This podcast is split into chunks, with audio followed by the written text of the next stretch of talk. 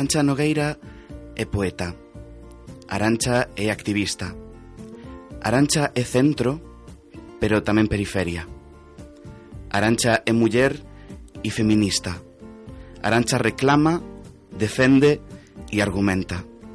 Arancha contesta. Contesta sempre porque sabe que debe contestar. Arancha é loitadora e Arancha é case, e digo case, unha forza da natureza. Admíroa Admiro moito, é evidente, porque sobre todo, sobre poeta e activista, sobre contestataria e defensora, Arancha é amiga. E hoxe Arancha ten aquí permiso para falar. Moitas grazas por estar comigo, Xarancha. Bo día, Pablo. Estou xa emocionada estas horas da mañá con esta grande presentación. Jo, é que para mí é un luxazo, honestamente, terte aquí e inaugurando este este espazo comigo, ¿no? Este novo esta nova aventura uh -huh. que estou inaugurando aquí na, na Radio Campus Cultura de, de Podo Falar, ¿no? Un, un programa así de entrevistas. Sí. E como che digo, para mí é espectacular terte aquí comigo, que teñas aceptado este este convite de verdade. Ben sabes que que a admiración é mutua e ademais eu teño unha filia especial pola radio que pouca xente coñece dende os meus inicios estudando xornalismo, así que entre que eras ti e a oportunidade de poder volver a este medio que me encanta, estou moi, moi, moi agradecida. Joder, eh, é estupendo cando están estas situacións, porque claro, ti xa tiñas experiencias un pouco da radio vindo de xornalismo, que o mellor un background que moita xente non sabe que tes. Un bocadiño, sí, efectivamente. Nunca traballei na radio fora do que, do que foi eh, o momento universitario, pero ademais eu, eu estive tamén nun colexo maior que tiña unha, unha sala de radio. Eh, ali con varias compañeiras comecei a facer os meus piniños con, con algúns programas. Eh, comecei a chegarme a este medio que me parece tan próximo non? Eh, máis próximo se cadra que, que outros do audiovisual. Eh, lamentabelmente nunca, nunca tive a oportunidade de volver xa como xornalista pero pero sempre sempre que teño ocasión volvo. Claro, e eu digo isto porque ao final cando un fala con, con poetas ou cando pensa nun poeta, ven un pouco con esta idea de que o poeta é filólogo, non? O que porque sí. pasou pola filoloxía de algunha forma, o que lle interesa a filoloxía de algunha forma, non?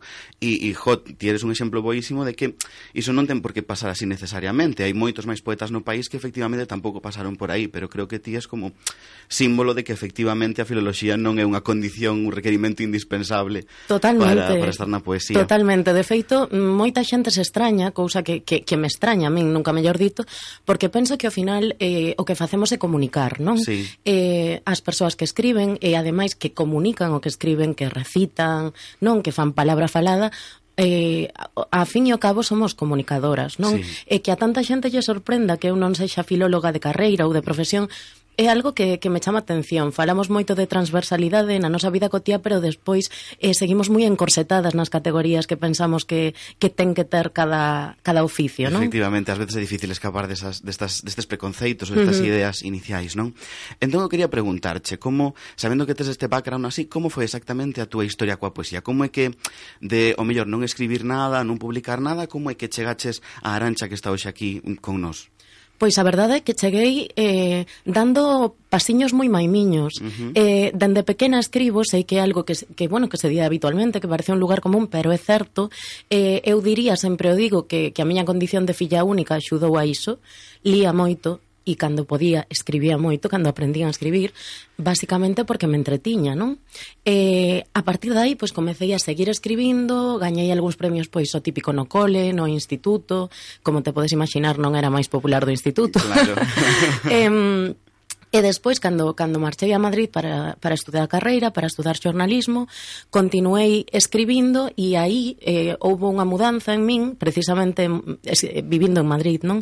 Eh, na que comecei a escribir en galego, sí. por unha cuestión de militancia, non? Comprendo. Por unha, por unha cuestión decidida, non natural, porque eh, na miña casa e na miña contorna en Ourense eh, mayoritariamente se falaba, como se sigue falando lamentablemente, español. Sí. Eh, A partir de aí, eu continuaba a escribir, nunca tampouco cun afán de deixar as miñas cousas nun caixón, eh, non, non vou pegar, pecar de falsa modestia, pero sí que é certo que tampouco cun afán necesariamente de levar unha liña mm, moi pensada uh -huh. ou de chegar a certos círculos, non.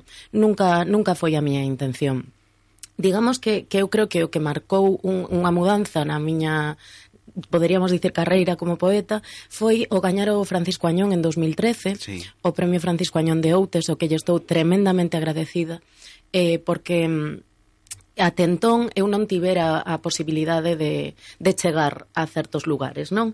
Eh, deste, deste premio sai un pequeno libriño eh, que, que se chama Andar descalza, foi sí. o, o meu primeiro poemario, do que estou a día de hoxe moi moi orgullosa, sinceramente. Ai, iso é extraño, eh? non, non acontece sei, con no, frecuencia. Sei, non sei, no, pero sí, estou moi orgullosa, son consciente que a miña escrita pois foi mudando como é natural, tampouco dun xeito radical, mm. Uh -huh. E ademais nese xurado estaba, por exemplo, Pilar Pallarés, que é unha persoa que admiro eh, por todo alto e que leo dende que leo poesía, non? Sí. Eh, co cal para min foi foi un, un unha verdadeira un verdadeiro luxo, non? E a partir dai digamos que comecei a eh, ter unha pequena proxección dentro do, do mundo poético, moi pequena, eh? Sí. Porque xa che digo que tampouco nunca foi a miña intención ter unha liña eh, para chegar a algún lugar. Eh, Eh, continuei escribindo porque creo que ao final todo se fai traballando, non? Sí. Facendo os meus pequenos proxectos tal e como me, me viñan saindo, sin pensar en cal ia ser a súa repercusión ou non, máis ben tentando sempre superarme a min mesma eh, nas miñas ideas e non facer dúas cousas iguais. Comprendo. Eh, e creo que así foi como cheguei ata aquí. Precisamente sobre iso, quería preguntarche agora como que, que dirías que define a túa escrita, non? Como, uh -huh. se queres incluso eh, revisalo dunha maneira eh, pois cronolóxica ou ver a través do tempo, que dirías que agora, depois de pasado todo este tempo dende que empezas a toda agora, se mantivo, mudou ou, ou, ou resultou significativo para, para o xeito en que ti escribes? Mm, creo que é difícil moitas veces contestar a estas preguntas precisamente porque facer esa introspección sobre unha, sí. as que facemos tamén crítica, ti ben o sabes, eh, sabemos o difícil que é desdoblarse entre a crítica e, e a escritora, non? E máis eh, dicindo tal e como me sae, tal e como eu sinto que, que é a miña relación coa escrita, eu diría que se ben se mantén un intimismo que é propio de, de min, sí. eh, un intimismo que, se, que creo que se plasma tamén nunha falta de rimbombancia na escrita, non? Eh, nunha, nunha escrita moi simple uh -huh. Mm, que pretende chegar aos fondos sin, sin obstáculo. Claro. Eh, iso se mantén, mas penso que nestes anos esta, este intimismo saiu un pouquiño dos límites do, do íntimo, do eu, para chegarse a outros discursos se cadra eh, máis reivindicativos eh, ou máis sutilmente reivindicativos, non? Sin sí. chegar a ese punto de panfleto, pero claro. eh, que, que pretenden ter unha, unha dobre lectura, unha a do eu e outra a do nós. Eu Ai. diría que, que esa, esa foi a principal mudanza. A mudanza máis grande, eso é interesante, Arancha. Mira, aquí quería aproveitar tamén este espazo para que, bueno, eu, que a pesar de que temos aí unha relación de amizade, sí. non?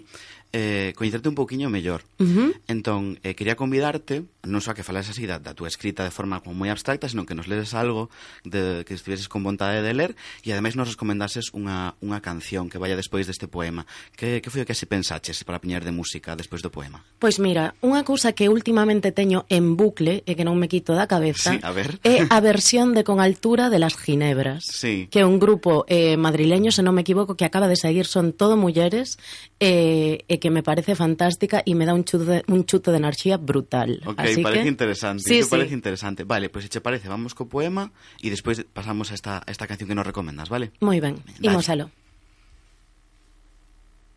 De pequena vía mundos nos ourizos das castañas.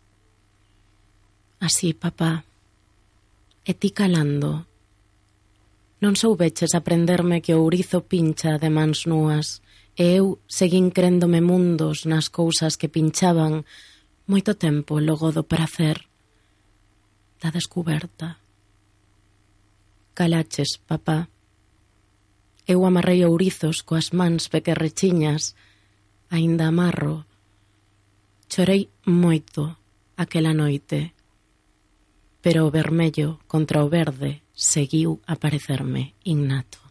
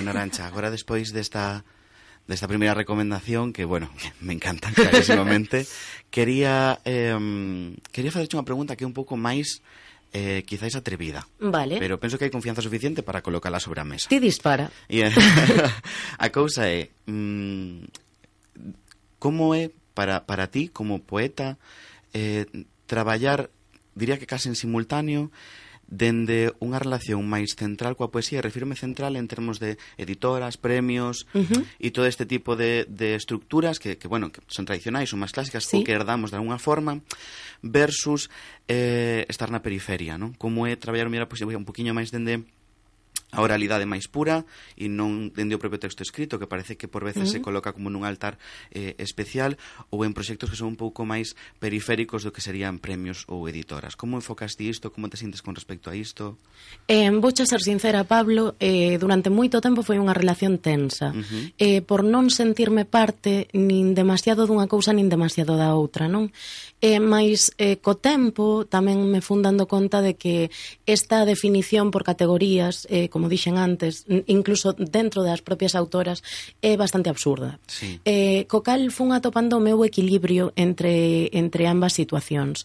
Eu sigo considerándome periferia, como ti mesmo dís, en moitísimas cousas, e penso que parte tamén eh, desta busca creativa que continuamente estou a facer, ou que penso que facemos todas, non? Eh, no meu caso, parte por continuar mm, facendo este tipo de proxectos que non me reportan nada a nivel, poderíamos decir, de de prestixo, moito menos económico, pero que sí me reportan moitísimo a nivel creativo, non? Uh -huh eh, tamén me achegan ideas de outras persoas, eh, de xente que está ao meu redor, non? Eh, que creo que me serían imposíveis de chegar en, en caso de que eficaces son outros contextos. Por outra parte, co mundo editorial, aínda que tampouco teño unha grandísima experiencia, podería ser maior, pero bueno, eh, xa pisei varios selos editoriais sí. e, e agora este, este mesmo mes eh, sai un novo, un novo libro con edicións positivas, Mm, sempre tento tamén levar a miña propia liña, non? É certo que as editoras teñen unha estrutura clásica, tradicional, de institución, pero tamén é certo que as autoras eh, temos bastante que dicir, ao fin e ao cabo as obras son nosas, non? Entón, sempre tento eh, que non me fagocite ese xeito de funcionar eh, tradicional das editoras, ben é certo que non todas teñen ese xeito dun, dunha claro, maneira tan claro, clásica, non? Depende un pouco, sí. Claro, pero igualmente eh, tamén tento que ese diálogo se estableza dende os meus propios parámetros. Co cal, eh, diría que agora mesmo estou cómoda con esa situación, aínda que sí que houbo tensión tensión dentro de min sobre como resolvela, ata que me decatei de que Arancha son as dúas, non? De que non hai un, eh, un xeito de, de separarme claro. e ser a Arancha que publica en editoras e a Arancha que fai proxectos punkis, non? Claro. entón, eh, comezou sendo tensa, pero agora mesmo eu creo que é equilibrada. Claro, finalmente entendo polo que me dis que foi unha cuestión de, de gañar control sobre a situación, uh -huh. E de, de comprender eh, non só os límites de cada plataforma, son tamén os teus propios límites, non? Totalmente. Eh, penso que, que iso é un aprendizaxe como calquera outra. Eu non tiven a mesma mm, actitude cando publiquei o primeiro libro que agora publicando o último, no que tomei máis decisións, dixen as cousas de xeito máis claro. Eh, tamén o, o coñecer máis o sistema literario vou coñecendo mellor onde podo atoparme máis cómoda, claro, non? máis confianza, Exacto. Claro. Entón, eh, bueno, mm, animo a calquera que tamén se meta neste mundo a que non teña medo de fastidiala, porque ao final mm, temos tantísimo medo de que todos os pasos que deamos teñan que ser os pasos idóneos, os máis coherentes, e a fin estamos aprendendo. O tempo que aprendemos sobre nós como, como persoas, non? Eh, estamos tamén aprendendo como movernos neste mundo como en calquera outro, non? Claro, un debe ser prudente, penso, con, coa autoexixencia, non? E uh -huh. permitirse tamén un pouco este... Non ser, finalmente, o xuiz máis duro cun, cun mesmo no referente ás decisións que un toma, non? Uh -huh. Mira, falabas entón aquí de positivas, contame entón que vais a ir por aí, a ver. Pois, a ver, eh, o día 1 de decembro, domingo do Culturgal, sí. eh, vou estar asinando exemplares do, do novo libro eh, de Arancha Nogueira en Positivas en na caseta da Librería Paz. Sí. Esta, este libro, Hashtags para un espazo agónico, eh, saise un pouco da liña dos últimos libros que, que teño escrito, eh, precisamente por iso che dicía o de tentar sempre estar facendo algo novo, non? E eh, fala un, un bocadiño do tema dos espazos que últimamente, como sabes, me interesan moito e están moi presentes da miña escrita, pero dende un punto de vista das pantallas, sí. de como concebimos os espazos dende esta nosa nova realidade, non? É un libro, penso, moi retranqueiro, uh -huh. eh, que, que fai unha crítica social bastante clara, eh, e eh, que, por outra parte, tamén fai unha autocrítica eh, interesante, non? Porque non é unha autocrítica cruel, senón, eh, como sempre se fixo aquí, pois iso, con retranca. Sí.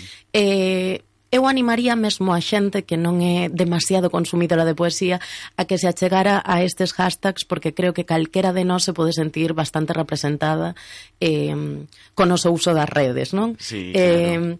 Eh, eh, bueno, eh, foi unha, unha experiencia moi boa de a de presentalo con positivas, con Paco Macías, que é o meu editor, e, e que a verdade mm, fixo un moi bo traballo, e eu non podo dicir nada máis que que estou moi contenta de poder publicar aí, porque positivas en grande medida forneceu as miñas lecturas de xuventude de poesía, non? e, e polo tanto poder facer parte desa colección diversos pois para min é, é moi importante Claro, un enchese o peito cando sinte que forma parte da familia que admiraba antes, non? Sí. E precisamente falando sobre familias, esta pregunta de coloquei aquí tamén foi un pouco perversa sobre que vais a ir este mes, non? Uh -huh. Porque eh, igual os, os nosos ouvintes non o saben pero tú e eu realmente compartimos eh, espazo nun proxecto Nunha familia que, Efectivamente, uh -huh. nunha familia, a familia Leiteira en Leite Edición, non? Efectivamente eh, E aquí tamén van sair cousiñas novas, non? Que eu sei que van sair, por tanto momento. Bueno, de feito, o primeiro poema que vos lín eh, fai parte desas cousiñas novas que, va, que van sair eh, en, moi pronto, nunhas semanas. Efectivamente, queres que che conte moito, pouco, regular? Aí mm, podes, se queres, eh, adiantarnos un poquinho o tema do magosto, que se vale. que pode ser interesante. Ben, eh, como xa publiquei a comparsa con Leite Edicións, como sabedes, que é un, unha pequena historia centrada no, no Entroido, que é unha festa popular moi moi importante para min e, e penso para todas as persoas que somos de Ourense, sentía que algo quedaba coxo aí. Uh -huh sentía que quedaba coxo. E levo moito tempo dándome de conta de que na literatura galega se plasman moito máis as festas tradicionais da costa mm, que, que as do interior, non? Como, como en case todo. E, algo que é tan importante para min como, como entroido é o magosto. Moita xente concibió o magosto como, pois, mm, iso asar unhas castañas, sí, un mí, día... literalmente pásame porque son, son da costa, por tanto, para claro. mí o magosto son unhas castañas e pouco máis. Claro, beber e tal. Eh, o magosto é algo que vai moito máis alén diso eh, e que está moi vivo, non? Que uh -huh. penso que tamén hai moita xente que, que pensa no magosto como algo moi antergo. O magosto está moi vivo, ou sempre ten estado moi vivo na miña, na miña vida e na da xente que me, que me rodea, E o Magosto tamén é un lugar, igual que o Entroido, onde se subverten moitas normas sociais. Sí. E por iso me parecía un escenario perfecto para poder escribir un novo poemario, que é este poemario que vai sair en Leite Edicións. Sí. Eh, alén diso, eh, desa, desa vitalidade do Magosto, eh, interesábame tamén falar de como o magosto sempre presente na miña vida foi mudando eh, os seus referentes ao longo sí, dela, non? Claro. Eh, comezou como unha festa máis familiar, eh, asociada á chegada do outono na familia, eh, algo cálido, non? Eh, de xuntarse continuou como un lugar onde atopar a nosa propia identidade entre as nosas amigas ou grupos de coñecidas, rematou sendo un lugar em, eh, no que seguían estando as nosas amigas e coñecidas, no que seguía habendo ese sentido de comunidade, pero no que tamén acontecían moitas cousas na, no, na nosa vida emocional, non? Sí. Son eh, o magosto é un destes días que mudan por completo eh, a dinámica real da túa vida. Claro. Entón, eh, penso que é interesante tamén ollalo dende o punto de vista de xente que so desde fora, non? Eh, que o mellor tendes iso asociado a outro tipo de días ou outro tipo de festas, sí, non? De claro, romarías. Que, de feito, para min, escoitarte falar agora así sobre Magosto hasta me está resultando emocionante. Eh, falo con completa honestidade, para mí foi unha cousa emocionante escoitarte falar así desta, desta festa, porque, claro, eu non non comparto estes códigos, non comparto esta reinterpretación mellor da tradición do magosto que, uh -huh. que penso que, que finalmente que vas explorando por aí sí. neste, neste poemario que sea con Leite Edicións e Hijo, que, que a min particularmente non está interesante por iso, non? Porque me colocaba nun, nun espazo que eu non podería ver idealmente ou hipotéticamente non podría ver de outra forma. Claro, non? claro. De feito, mm, sempre digo do magosto, e isto é medio en coña, medio en serio, pero sí. é certo que a festa con menos glamour. Unha sube ao magosto ao monte, sí. eh, ás 12 da mañá, eh, coa roupa máis bella que teña, eh, con algún tipo de impermeable, porque é posible que chova, sabendo que vais a ir dali, eh, pois probablemente eh, enchoupada, eh, enchoupada coas mallas rotas, eh, suxa, coa cara tisnada, e malia todo no magosto a xente liga, a xente establece relacións de todo tipo, non? Eh, bailase, cántase, hai eh, ten todo que podería ter unha festa con todo o de natural que nos somos. E iso me parece tan maravilloso, non hai nada eh, impostado eh, no, no mau gosto. Eh. Pois mira, entón que che parece se si pasamos coa segunda canción e xa nos les tamén outro poemiña. Cal sería este segundo tema que nos recomendas hoxe? Este segundo tema é dun grupo vigués que canta en portugués que se chama Bifana. Sí. E o tema que hoxe propoño é Lonxe do que procuro. Ok, interesante. Entón, se parece, vamos novamente con este poema que tamén forma parte desto que vais a ir sobre o magosto, verdade? Dos ourizos, efectivamente. Ok, estupendo. Uh -huh. Vamos aí co poemiña e despois poñemos a canción. Na fogueira convivíamos co perigo. Alí, o primeiro dos segredos. A copa única que compartíamos como en calma, sabéndonos tan núcleo de furacán.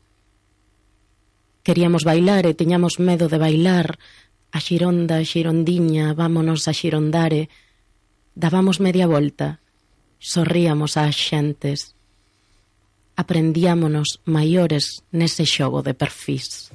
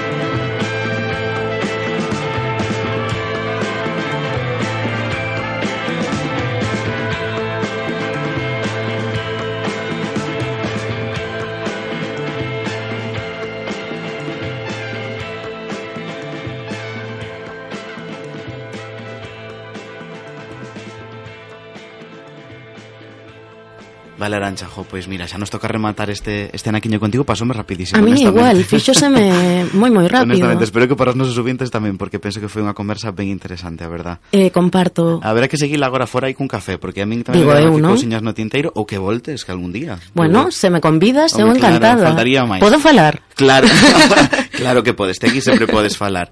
Eh, novamente agradecerche ter estado aquí inaugurando este novo espazo na Radio Campus Cultura e comigo. Eh, moitísimas grazas ao espazo da Radio Campus Cultura e por ofrecernos este, este espazo, por ofrecerme esta posibilidade e, e moitas grazas a todos vos por escoitarnos e vémonos na próxima. Grazas a todas.